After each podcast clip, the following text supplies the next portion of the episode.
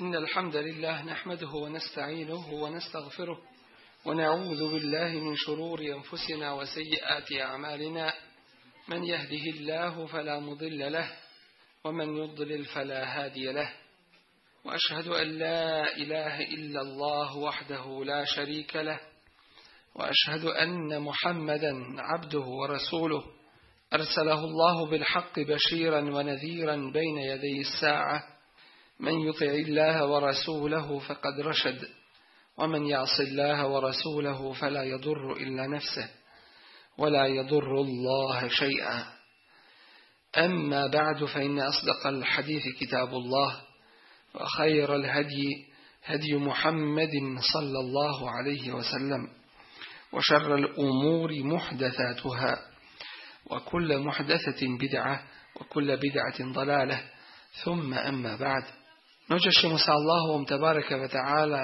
dozvolom i pomoći govoriti o događaju koji je pred nama.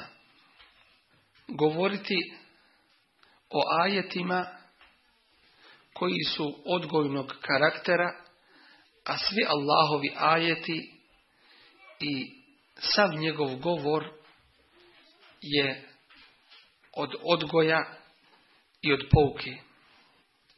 Sura koju je slatko i lijepo učiti. A u isto vrijeme čovjeka obuzima zebnja i strah kada razmisli o onome što ona govori. I lijepo se na nju često vraćati i na ova značenja često podsjećati. Pred nama je sura koja nosi naziv et Sura iz mekanskog perioda objave, koja uči mu'mine čvrstoj i izvornoj akidi, vjerovanju i ubjeđenju Allaha tebareke ve ta'ala. Kad čovjek razmisli i vidi u čemu su muslimani tada bili, zaista pred očima mu se pokaže barem dijelimično, Allahov veliki kudret i Allahova moć i snaga. Samim tim što kada vidimo da su muslimani do te mjere bili potlačeni, da javno nisu smjeli ni jedan ibadet činiti. Da nisu javno smjeli reći la ilahe illallah Muhammedur Rasulullah. Ima li teže situacije od te? Da nisu imali među ljudima, rekavši, nikakve zaštite. Nisu imali vojski, nisu imali straža, nisu imali materijalnih sredstava. Neko od njih kada bi bio uzet i odveden u pustinju da ga pate, nikomu drugi od ljudi nije mogao priteći u pomoć riječi su bile Resula sallallahu alihi wasallam porodici Jasirovoj sabren ale Jasir osaburite i izdržite porodicu Jas, Jasirova koje su to muke i koji je to bol bio koji su oni trpili na Allahovom putu fe inne mevaidekum od vama je džennet obećan vaše stjecište, ako Bog da inša Allah i u džennetu. Ne nadaj se nagradi na dunjaluku. Wa innama tuwaffawna ujurakum yawm al-qiyamah. Jer ćete vi dobiti vaše nagrade samo na kijametskom danu. Dakle, tamo vas čeka. Kad imamo u vidu tu situaciju u kojoj su se muslimani našli a s druge strane ajete koji im se objavljuju. Čovjek se na prvi pogled nađe u nekoj nedoumici. Muslimani potlačeni u onome u čemu su. Ne možemo ni približno opisati njihov hal i njihovu situaciju u kojoj su se našli. Teško i kad čujemo jedan dio od toga.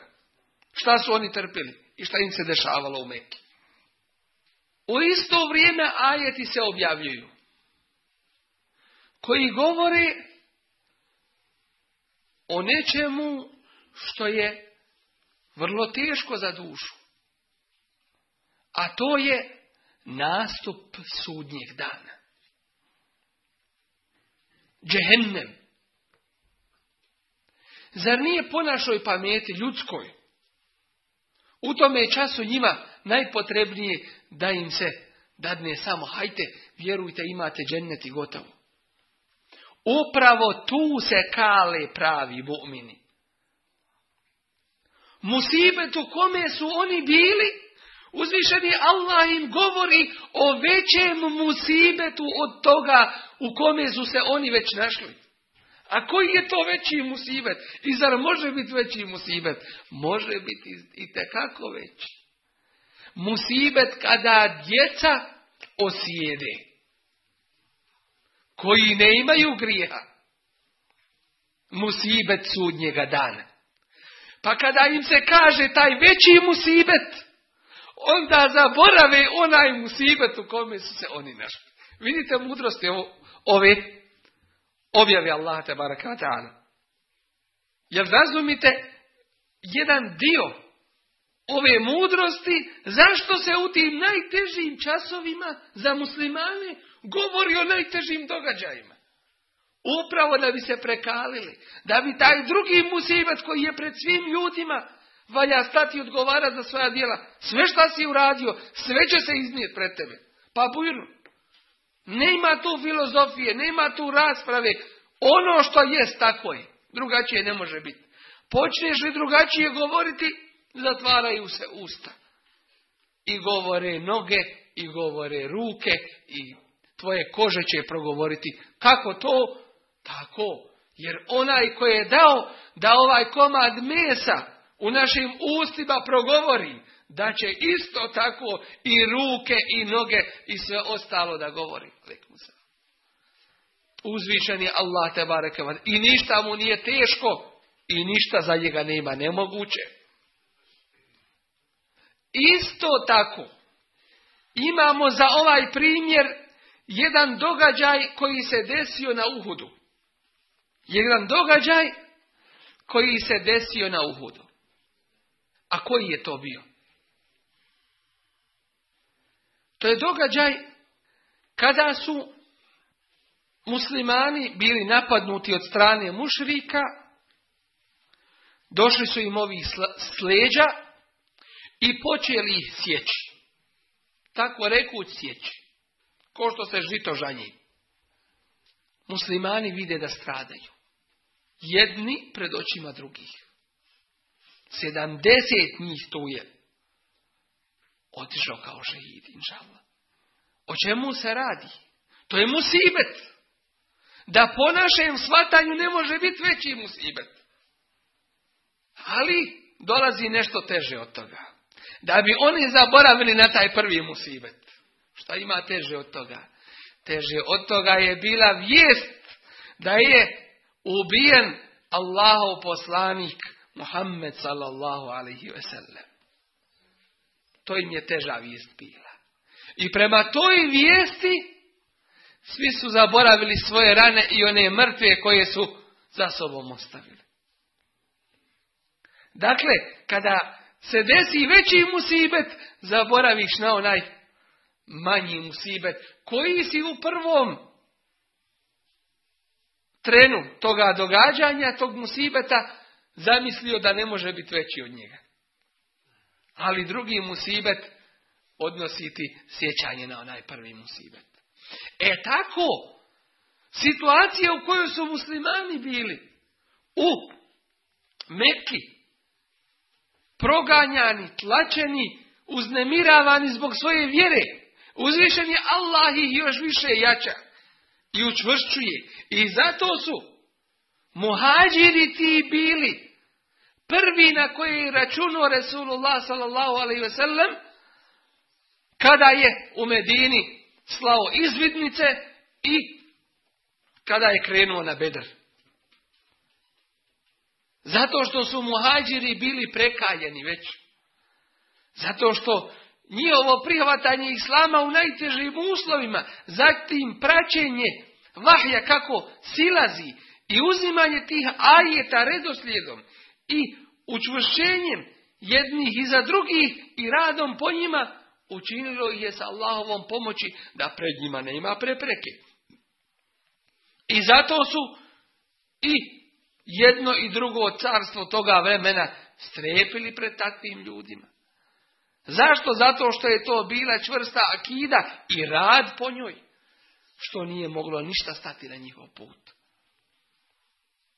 To je jedna od mudrosti zašto se u mekanskom periodu govori o sudnjem danu. I naša noćašnja tema jeste upravo nastup sudnjeg dana da bismo se i mi u ovim našim današnjim musibetima očvrsnuli kako bismo se učvrstili gledajući na ovo sve što je zadesilo nas muslimane pa ne znamo koji je veći musibet. Jel to što nas pobiše u Čečeniji i u Palestini i na drugim mjestima, ili u veliki džehel u kome žive muslimani, ili naš gaflet u kome smo se i nemar u kome smo se mi našli, šta li je to od ovih musibeta najgore? Da se podsjetimo na ovo što će se, što nam je već rečeno i što će se tek desiti. Da bismo se utješili u našem musibetu, da bismo se očvrstli i da bismo krenuli pravim putem sa Allahom te baraka ta'ala pomoći dalje. je Allah te baraka ta'ala kaže u ovoj suri Ide šemsu kuvirat. Kada sunce izgubi svoj sjaj. I zaista u kuranskim ajetima treba razmišljati. Treba sjest i otvoriti dušu. I prihvatati Kur'an. I nema veće ljepote na Dunjaluku. Ide šemsu kuverat, Kada sunce izgubi svoj sjaj. Riječ kuverat u arapskom jeziku ima dva značenja. Jedno značenje, jedno značenje jeste ugasiti se. A drugo značenje jeste smotati se, saviti se jedno i drugo značenje je u ovome slučaju prihvatljivo. Što znači da uzvišenje Allah tabaraka wa ta'ala opisuje nam šta će se desiti sa suncem. Jednim od činioca nakon glavnog činioca i uzroka svega Allah tabaraka wa ta'ala ali jednog od ovih dunjalučkih činioca u životu na ovome svijetu. Bez sunca, kako će biti život? Uzvišeni Allah tabaraka wa ta'ala je dao taj sebep i taj uzrok. Uzvišen je Allah prvo što spominje prilikom nastupa kijametskog dana kaže ide šansu kuvere. Kad se taj izvor života sa Allahom te baraka ta'ala pomoći. I nemojmo da shvatimo, Bože sačuvaj, pogrešno to izvor života da je neko drugi mimo Allaha te bareka ta'ala. Ovo je samo sebe. Ovo je samo uzrok dunjalučki. Inače bismo vidjeli na dunjaluku mođize, pa ne bi bilo kafira. Kako je uzvišeni Allah te bareka ta'ala dao da se rađamo od majki i očeva. Dao uzrok dunjalučki. Ali nisu majke i očevi stvoritelji niti se oni obožavaju, oni se poštuju i imaju svoje mjesto, ali nisu sveci i nisu ti kojima se ibadet čini. Sunce kao uzrok u životu koji je uzvižen je Allah tabaraka wa ta'ala dao. Kada se to ugasi, kada u njemu nestane kretanja i života, šta znači? To znači da i ostalo, i ostalom je došao kraj. Jer shvatate, kada u izvoru nestane života, onda će i ostalom nestati. Ali onaj koji je el hajju, vječno živi i živi potpunim životom, koji je od uvijek i uvijek, kod koga ne ima promjena, na koga ništa uticati ne može, to je uzvišeni Allah tabaraka wa ta'ala. El qayyum ne samo da je živi i vječno živi i potpuno živi, već onaj koji drugi održava u životu. Drugim riječima koji vlada životom i smrću. Koji vlada svim. I tu je taj u stvari rububijet. Da prihvatiš da je uzvišeni Allah subhanahu wa ta'ala tvoj rab, a da si ti njegov rob. Da je on tvoj gospodar a da si ti njemu podčinjen. I to što ti je dao u mogućnost da odabereš između dobra i zla, to nije tvoja snaga. To nije tvoja moć. To je tebi samo iskušenje i ispit i ništa drugo. Da se vidi imaš li pameti ili ne imaš. Da se vidi jesi li insan, jesi li čovjek ili nisi. Jer onaj ko ne vjeruje je gori od stoke. Bel hum edal. Dakle, vidimo iz ovoga da prvo što nam spominje uzvišeni Allah Đelešanuhu jeste da će ti izvori ili uzročnici u životu koje je uzvišeni Allah ta'ala dao na dunjaluku, da će oni presahnuti, da će se oni ugasiti. Što znači kad je to, kad se to dešava, šta će biti s ostalim? Zatim, to je jedno. Drugo, kuranski ajet ovdje kaže ida. Šta znači ida? Kada se to desi? Nije rečeno ako se to desi. Jer je razlika u arapskom jeziku između kada i ako. I u našem je. Ako moguće da će biti, a moguće i da neće. Ali ovo je iza i to kuransko. Što znači sigurno, ne možeš ga nikako izbjeći. Sekulet fi samavati wal ard. Teško je nebesima i zemlji, koji nisu ništa skrivili jer nisu ni odgovorni, ni obavezni. A ljudima kao nije teško, a ljudi će kao teferičit i neće osjetiti to ne I da, kada se to desi, a sigurno hoće. I tu se potpuna vlast uzvišenog Allaha Đelešanuhu vidi i to da njemu jedino ta vlast pripada i niskim je ne dijeli. Radilo se o njemu bliskom meleku ili se radilo o odabranom poslaniku Allahu uzvišenom samo sva vlast pripada. Jer o vremenu ovoga nastupa nije nikoga obavijestio.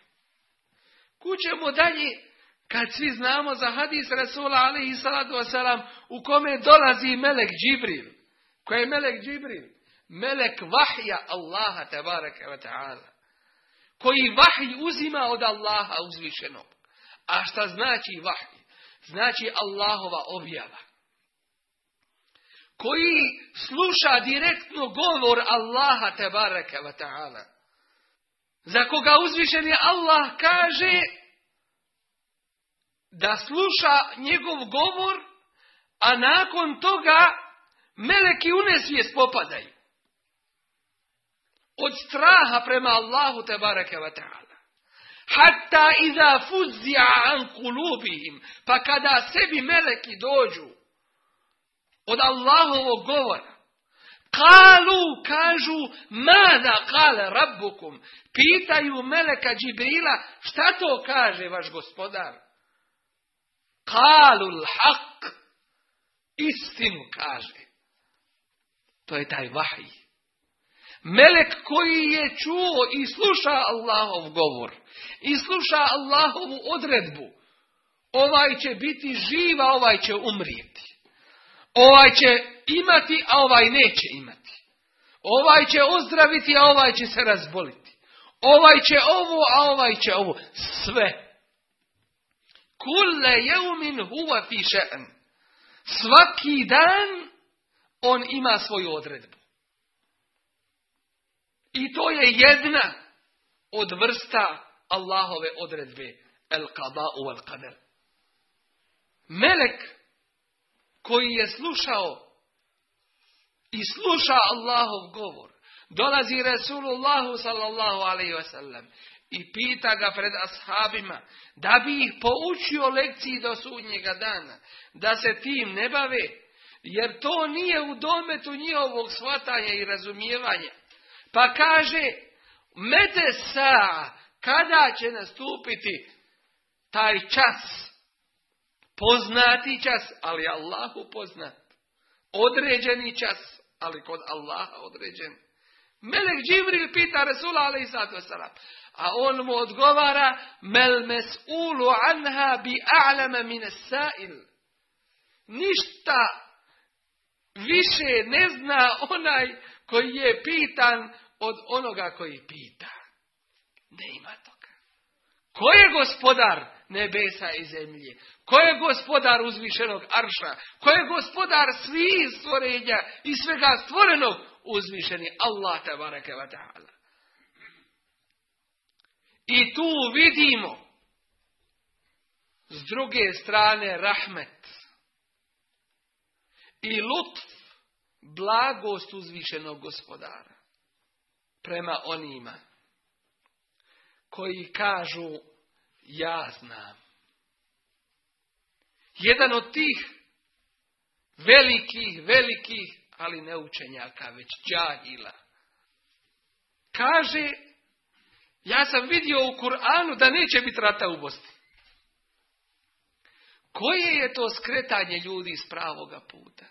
Mi to ne možemo ni zamisliti.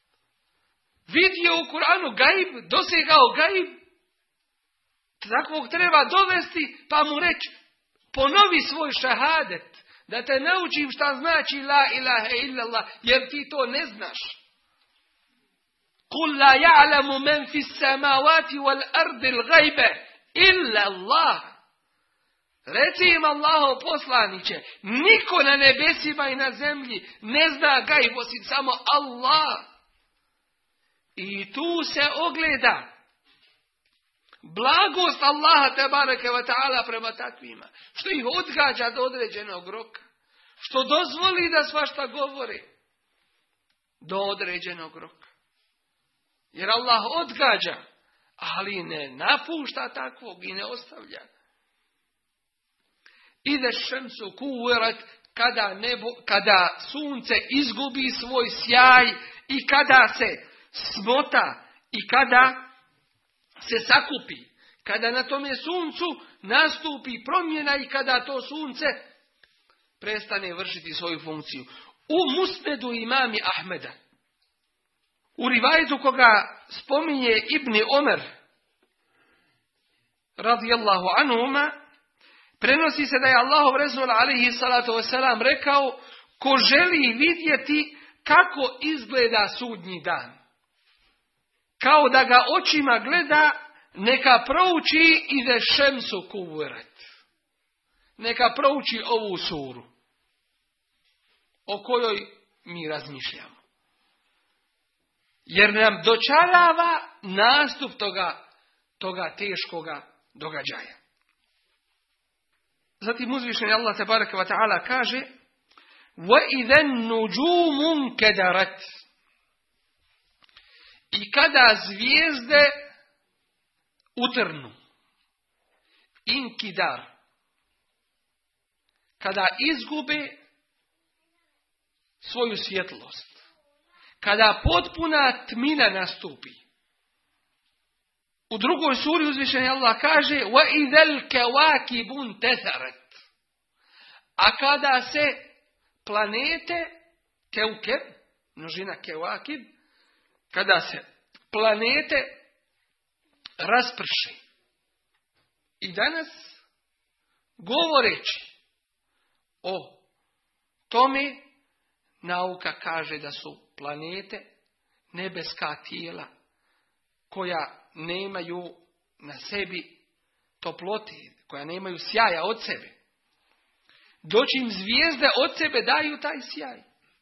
Vidimo, dakle, Kur'an kako nam precizno opisuje kako će se ponašati zvijezde, a kako će se ponašati planete. Ko je bio gore? Na nebesima. Da vidi tu razliku od ljudi, ko će odgovoriti? Jel bio neko Uzvišeni Allah te bareke ve ta'ala počastio je svoga Resula Pa ga je uzdigao do sedam nebesa. Pa ga je obavijestio o ovim događajima koji će se dešavati. Ali od ljudi niko. I zato ovo je svojevrsna muđiza i kuransko čudo. Kao dokaz svim ljudima da je ovaj govor od Allaha tabaraka wa ta'ala i da mu se treba pokoravati. I nije teško ljudima da to shvate, samo što neće, samo što odbijaju ovaj govor. Efe bi hadal hadithi entum tabhakun. Zar ćete se smijeti ovome govoru? Febi hadisim u yu'minun. U koji govor ako neće u ovaj kuranski, vjerovat će ako neće u njega. Dakle, ovo je ta uputa koju, koju nije teško ljudima da shvate, ali neće. I to je taj inad. I to je odgovor nama. Kada učimo ove ajete, kuranske i vidimo koju će patnju i u kojem azabu će kafiri biti. I neposlušnici Allahu te bareke taala. Oni koji su se zanosili na ovome svijetu da će lako sa Allahom proći.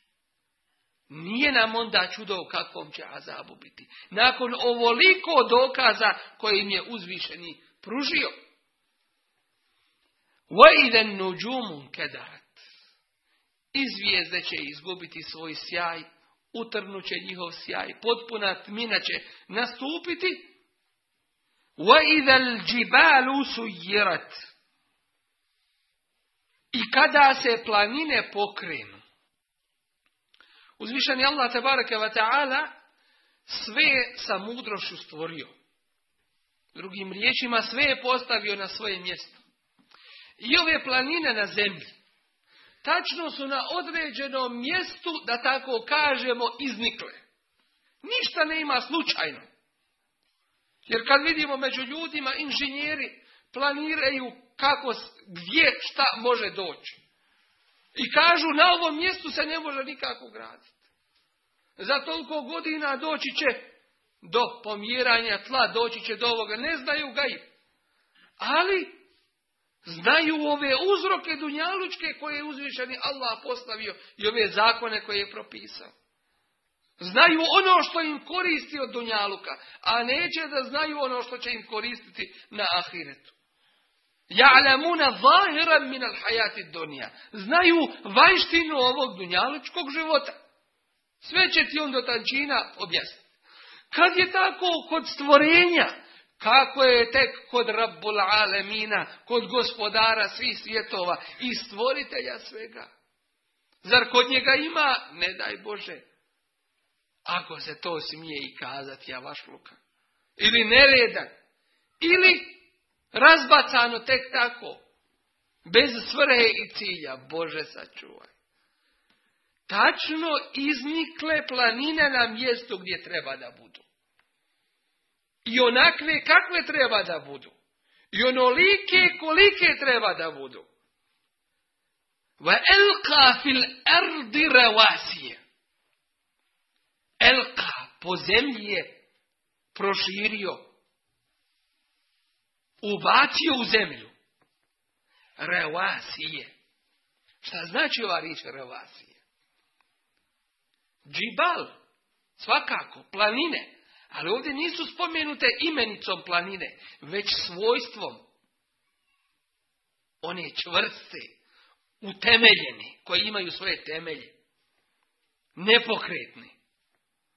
Ente mi bikum, da zemlja sa vama ne skreni. Allahu ekber kojeg čuda tu.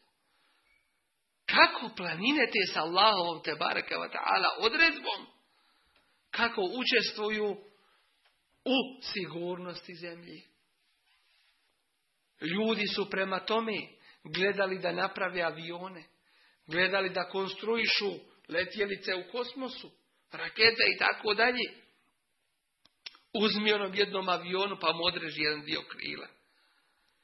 na onoj raketi. Nešto uradi. Neće ote, otiće je desno, je lijevo. Ili će se naopako vratiti. Samo neće ono što treba. Allahova odredba i njegova mudrost. Wallahi, mi koji nešto znamo, koji smo nešto naučili, jer ne možemo Allahov nimet poreći i reći ništa ne znamo. Znamo nešto u poređenju prema onim koji ništa ne znaju. Jer pravo znanje je ovo znanje, koje ti služi da shvatiš cilj života i da znaš kuda ćeš ići i kome ideš i šta će kasnije biti. Mi koji kažemo da nešto znamo i mi nismo svjesni. Jer da znamo i da smo svjesni ovoga, vallahi na svemu bismo Allaha veličali. Kad vjetar zapuše, rekli bismo subhanallah, ko je stvorio taj vjetar i koga je uputio i usmjerio i ko njime vlada Ko je ovu kišu dao? Ko je ove oblake? Ko je ovo? Ko je ovo? Ko je ovo? Ali nismo svjesni. Zabavili se dunjalukom. Zabavili se ovim svijetom. Pa nam to i ne naumpada. I prema tome i ono što se klanja na brzinu i na vrat na nos. Što to tako? A da ne govorimo onima koji nikako neće. To je bespredmetan razgovor. Zato što u osnovi ne imaju onoga što će ih pokrenuti. U osnovi ne imaju imana i vjerovanja jer da vjeruje, ne samo da bi obavio ove farzove i ove sunnete i ovo propisano, već bi se natjecao što više Allahu i badeta da čini. Kad bi s nekim stao, rekao bi, halali brate, ne imam vremena, reci mi na brzinu šta imaš, jer predavnom je ahiret. Hoću da još sklanjam dva rekata. Za takvoga bi rekli, innehu hule Nije normalan vallahi takav je normalan. I normalan i po. A nije normalan onaj koji se dunjalukom bavi. Iz koga će sutra izaći, a neće od njega ponijeti osim ono namaza i dobrih dijela koji je učinio. I tu vidim odgovor za ono što su govorili s ashabima. وَإِذَا قِيلَ لَهُمْ آمِنُوا كَمَا آمَنَ النَّاسِ I kad im se kaže tim munavicima i dvoličnjacima, licemjerima, vjerujte kao što i ostali ljudi vjeruju ko ashabi, oni uz Allahovog Resula, oni kažu enu'minu kema amene sufeha. Zar ćemo mi vjerovati? Zar ćemo onoliko oklanjati i zar ćemo ono raditi kao što rade ludaci? Nenormalni. Pa uzvišeni Allah presuđuje i kaže Ela innehum humus sufeha. Oni su ti koji su ludaci.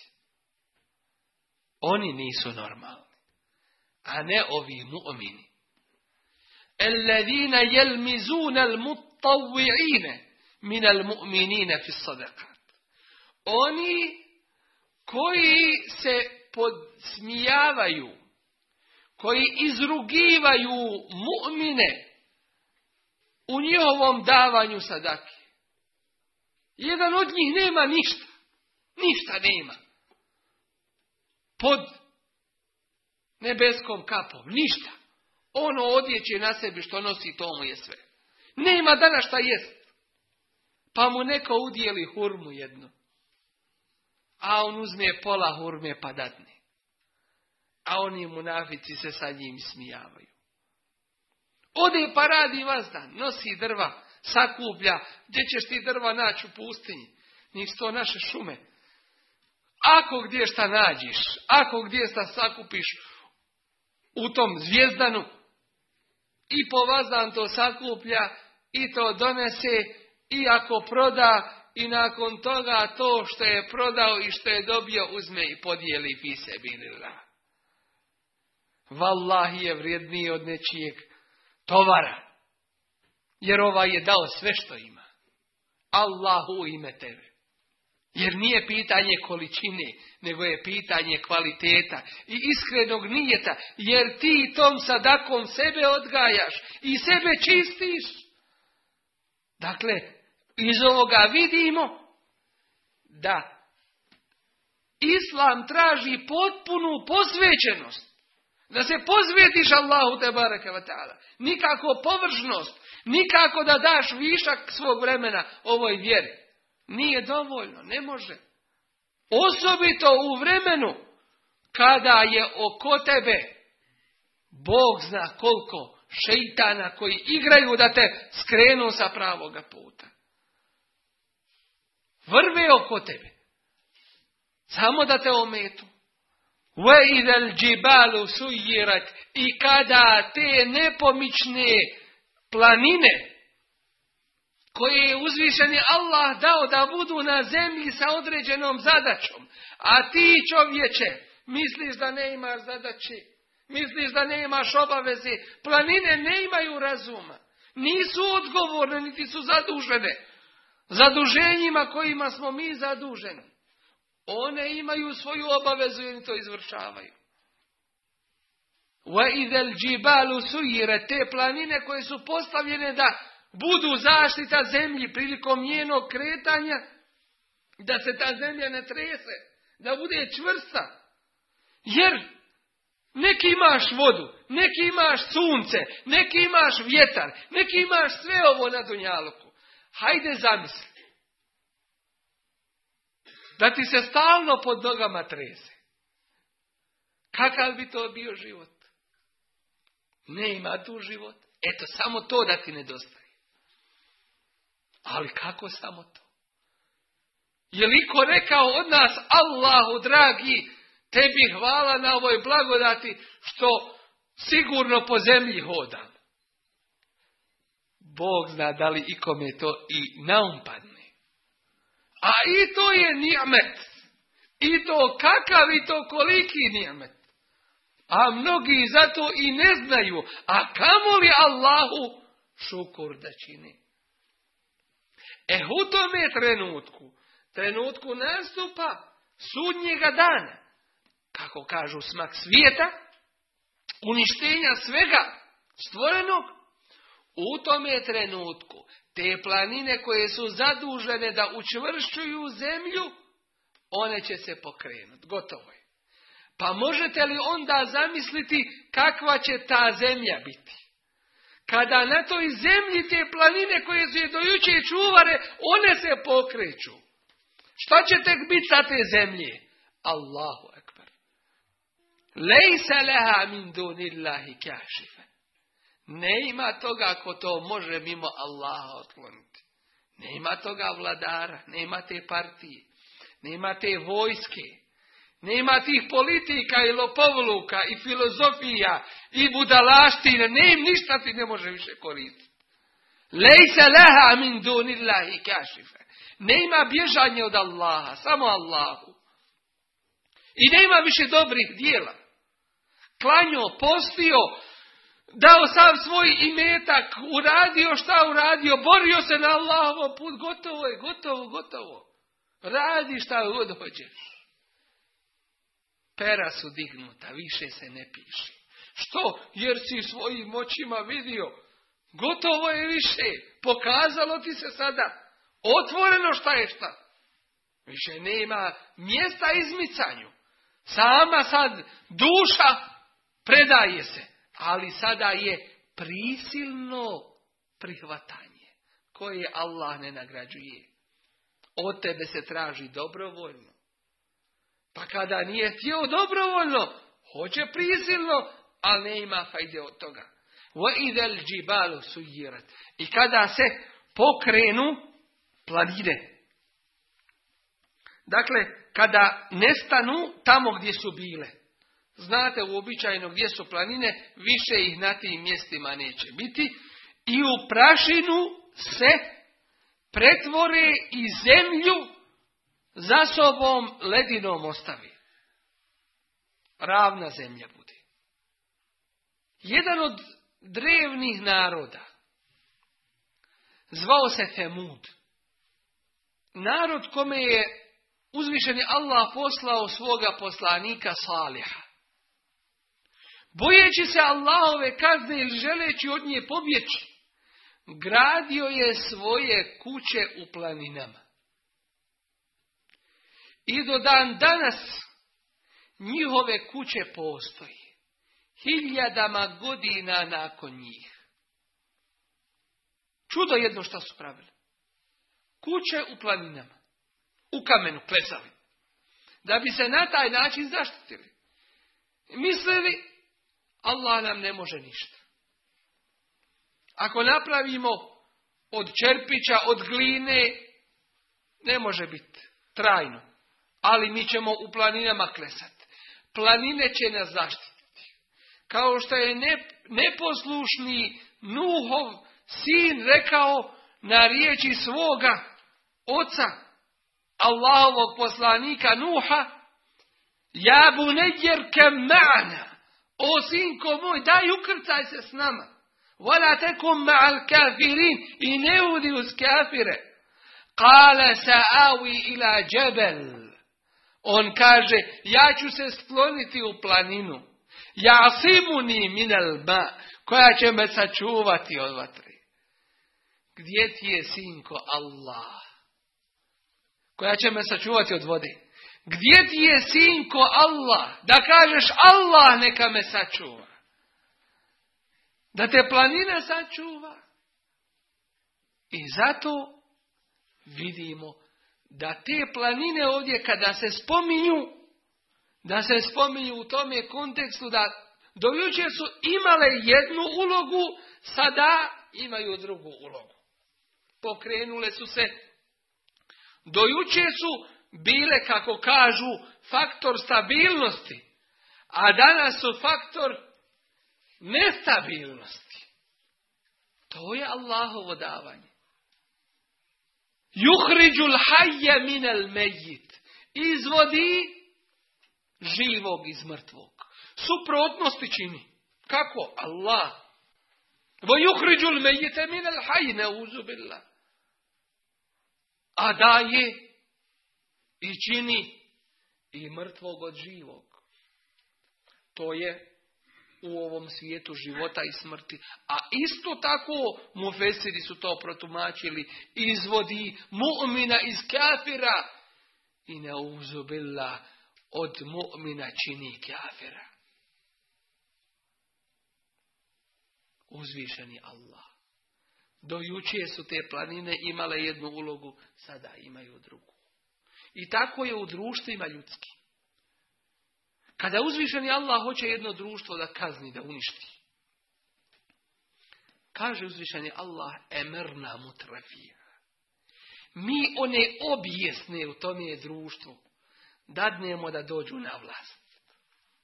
Bilo da se radi o zvaničnoj vlasti, došli cijeli na položaje, ljudi ih drže kao minister, vladari i tako dalje. Ili oni su u sjenci, što danas imamo drugi jedan vid vladavine, takozvane mafije, koja vlada iz zatvora, reklo bi se. Drogom, oružjem, potkupit, ne pitaj, za cijenu. On hoće samo da bude po njegovom. Vladaju. Oni objesni, oni oholi, oni onda preuzmu stvari u svoje ruke. Fefeseku Pa u tome je narodu fisk prošire. Šta je fisk? Znači huruđ al ta'atillah. Znači izađu iz Allahove pokornosti. Iz pokornosti Allahu te bareke Fa haqqa i takvome narodu na njih se ostvari Allahova prednja, pa do jednog budu istrebljeni Dojuči možda su oni koristili tome društvu i gradili ga, ali su došli do jedne granice, sad ti koji su ga gradili počinju da ga, da ga ruši. Ko je to dao? Ko time upravlja? Uzvišen je Allah te I zato kada je o ovim pitanjima ibni Haldun napisao u svojoj mukadimi, Evropa ova je stala otvorenih očiju i nije mogla ni jednije prozboriti. Jer su vidjeli da je to istina. A nije on od sebe to pisao. Po ovim Allahovim zakonima. Koji su u prirodi, koji su u društvima isto tako. i الْعِشَارُ I kada ste one deve budu napuštene, budu ostavljene. Niko im ne bude obraćao pažnju. U to vrijeme deve su bile najveći mal i bogatstvo. Osobito ako je ta deva steona. U današnjem vremenu imamo drugih vrsta bogatstva. Ali Allah najbolje zna da će se opet u zadnjem vremenu. Da će se u zadnjem vremenu ljudi vratiti na taj prvi način življenja. Ovdje se u ovome ajtu kaže ljudi će ostaviti ono što im je vrijedno i najvrijednije za njih. Pa možemo reći u to vrijeme je bilo vrijedno to, a sada je nešto drugo vrijedno, ljudi će to napuštati. Ali uzimajući u obzir ulumul Kur'an i kuranske nauke, ovo je bolje protumačiti onako kako je ispomenuto u Kur'anu. Kako to? Kad kažemo te one deve će biti napušten.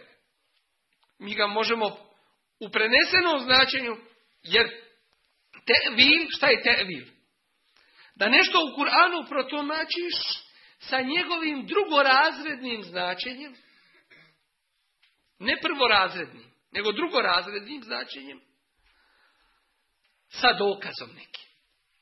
U ovome slučaju imamo tefsir i tevir. Ukratko ću vam to objasniti, a inša uskoro će i na tu temu izaći par kaseta vezano za ulomul Kur'an, kuranske nauke i način tumačenja Kur'ana.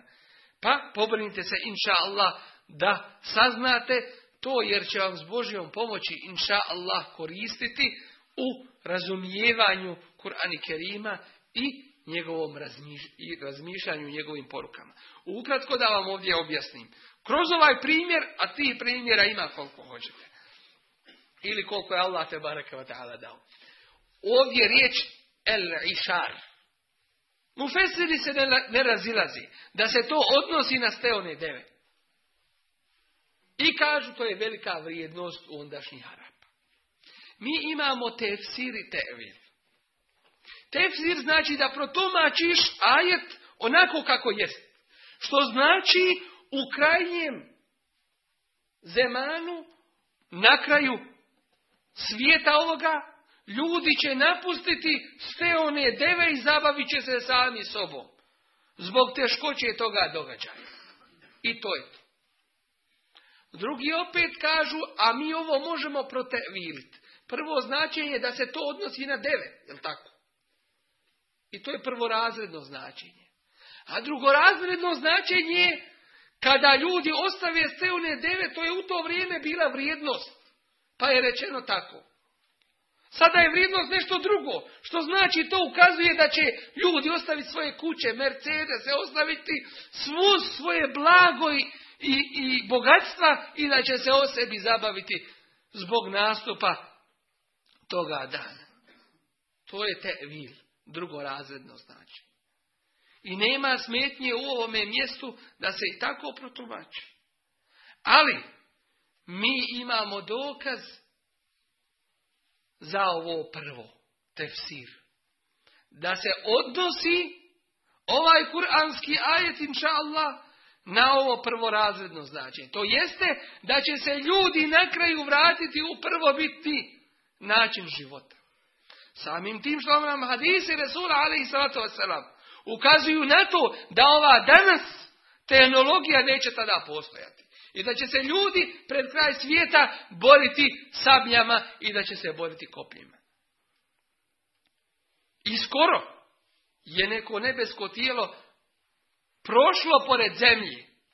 I kažu, opasnost je od njega postojala da neutrališe sve magnetne sile na zemlji. Što znači kompjuter i ovo sve što ide preko kasetofoni, kasete, televizori, sve to ide na smeće. Sve se to baca. Otpad. Ništa ti više ne koristi. Samo ti smeta kod kuće struja, sve ostalo ovo, zaboravi. Šta to treba da znači? Jedan mali događaj za koji mi ne znamo, samo znamo nema više struje. Šta je bilo, nek tumače kako hoće. Što znači da će se ljudi vratiti na kraju na prvobitno življenje. i šaru išaru Kada budu napuštene. Ko? Te ste one deve koje su velika vrijednost. وَإِذَا الْوُحُوشُ حُشِرَتْ I kada se divlje zvijeri sakupe,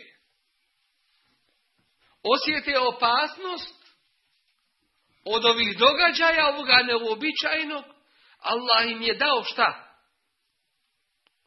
Da mogu primijetiti ili osluhnuti dao im je ta čula da mogu Osjetiti neke događaje da predstoji.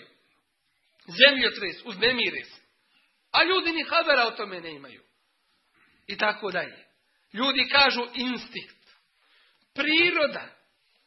Ne ima Allaha uzovela.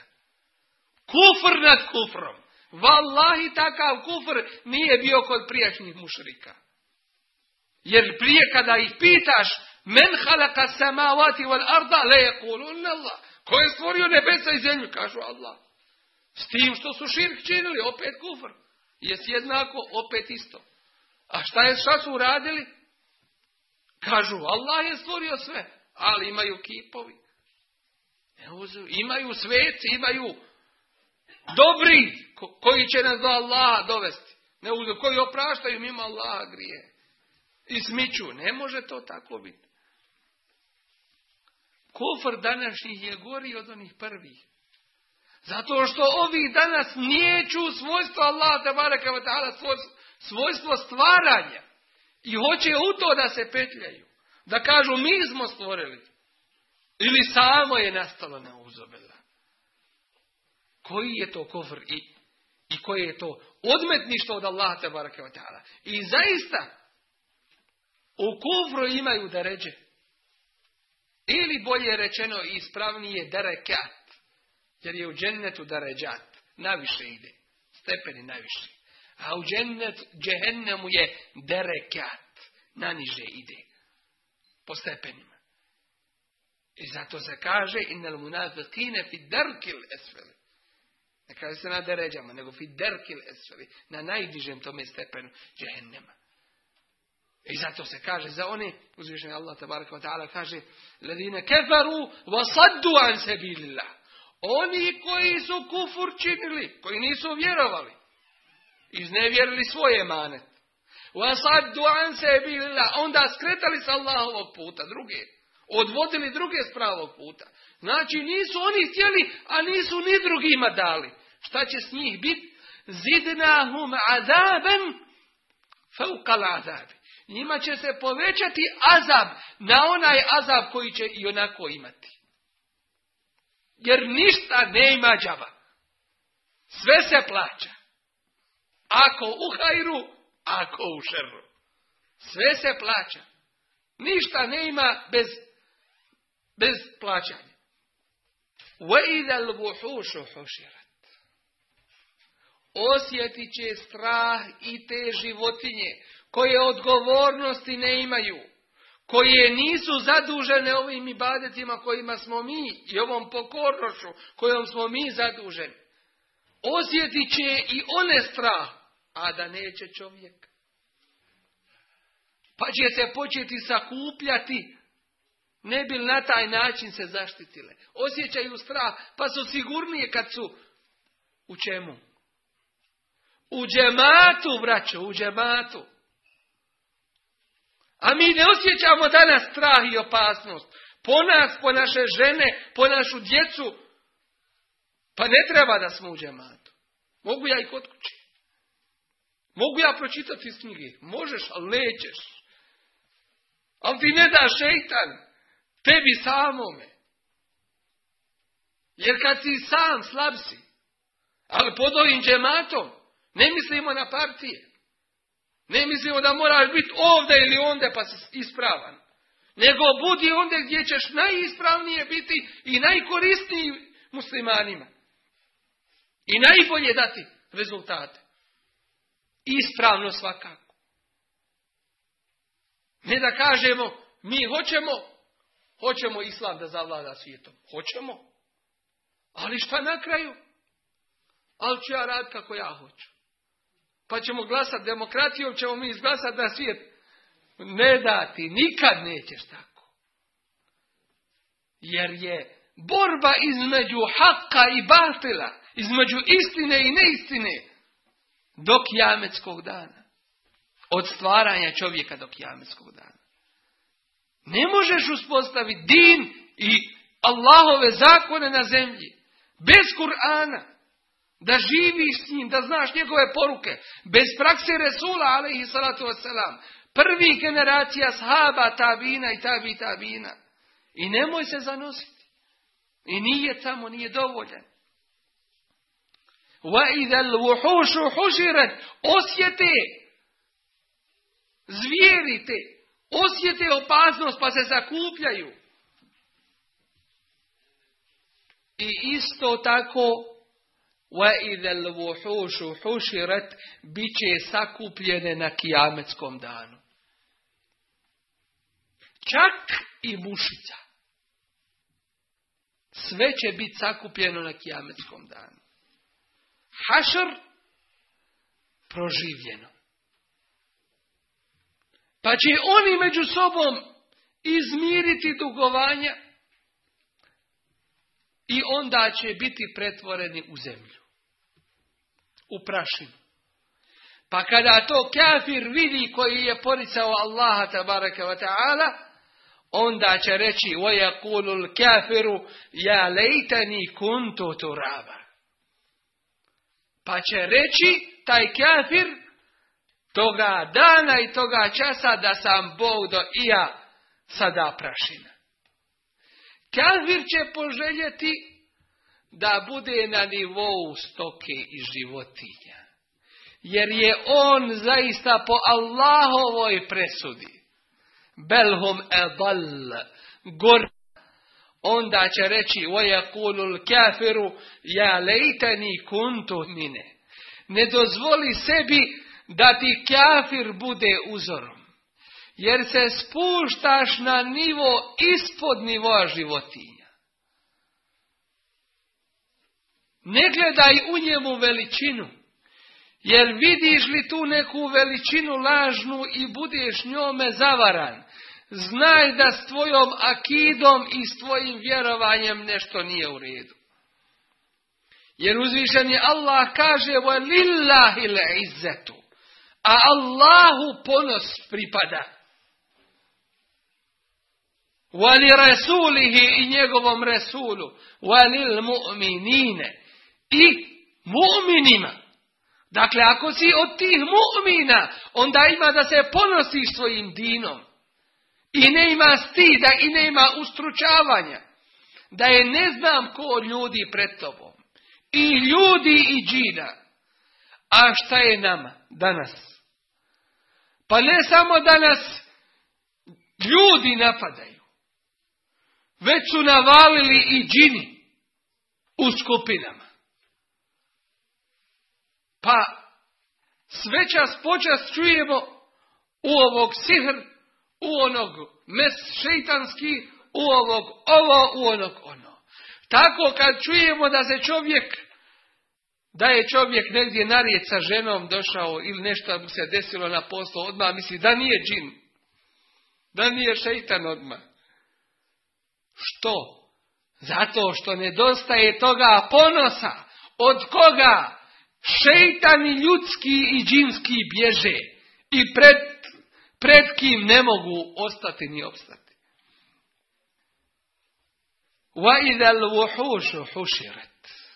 I sakupit će se i bit će proživljene. I te životinje. Biharu سُجِّرَتْ I kada se mora raspali, u vatru se pretvore. Voda. Allahu ekbar na ovoj zemlji. Većina prostora je voda. Skoro je do mene došla jedna studija o kuranskim mođizama. O čudima u Kur'an Kerim. U kojoj se kaže, tačno je pobrojano koliko je puta zemlja spomenuta, a koliko more u Kur'an Kerim. I kada to pomnožiš, tačno ti dolazi do rezultata koliko danas ima kopna, a koliko ima vodene površine. Kur'anska mođiza. Ta mora koja je uzvišeni Allah dao da budu ovdje na zemlji sa određenim ciljem. Kažu naučnici da nije mora i ovolike vode na zemlji ne bi bio moguć život na njoj. Allahu ekber. Kako to? Jer kažu zemlja je kao i ostale planete. Ali ima neke specifičnosti koje je čini da je moguć na njoj život. Ne samo da je moguć, nego je olakšan. Između ostalog jesu je vam mora. I prvo što naučnici ispituju na planetama, novootkrivenim ili starim, ima li vode, drugim riječima ima li života.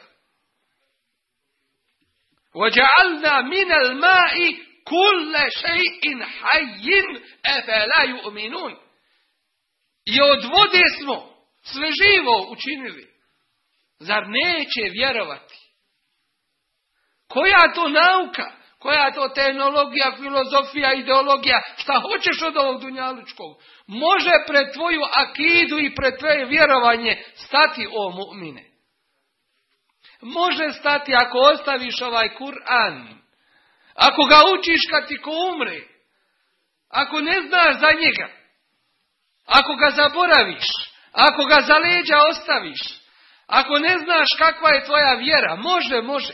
Ako svoju vjeru samo ostaviš da bude na namazu, mogu raditi i rade i radit će neprestano.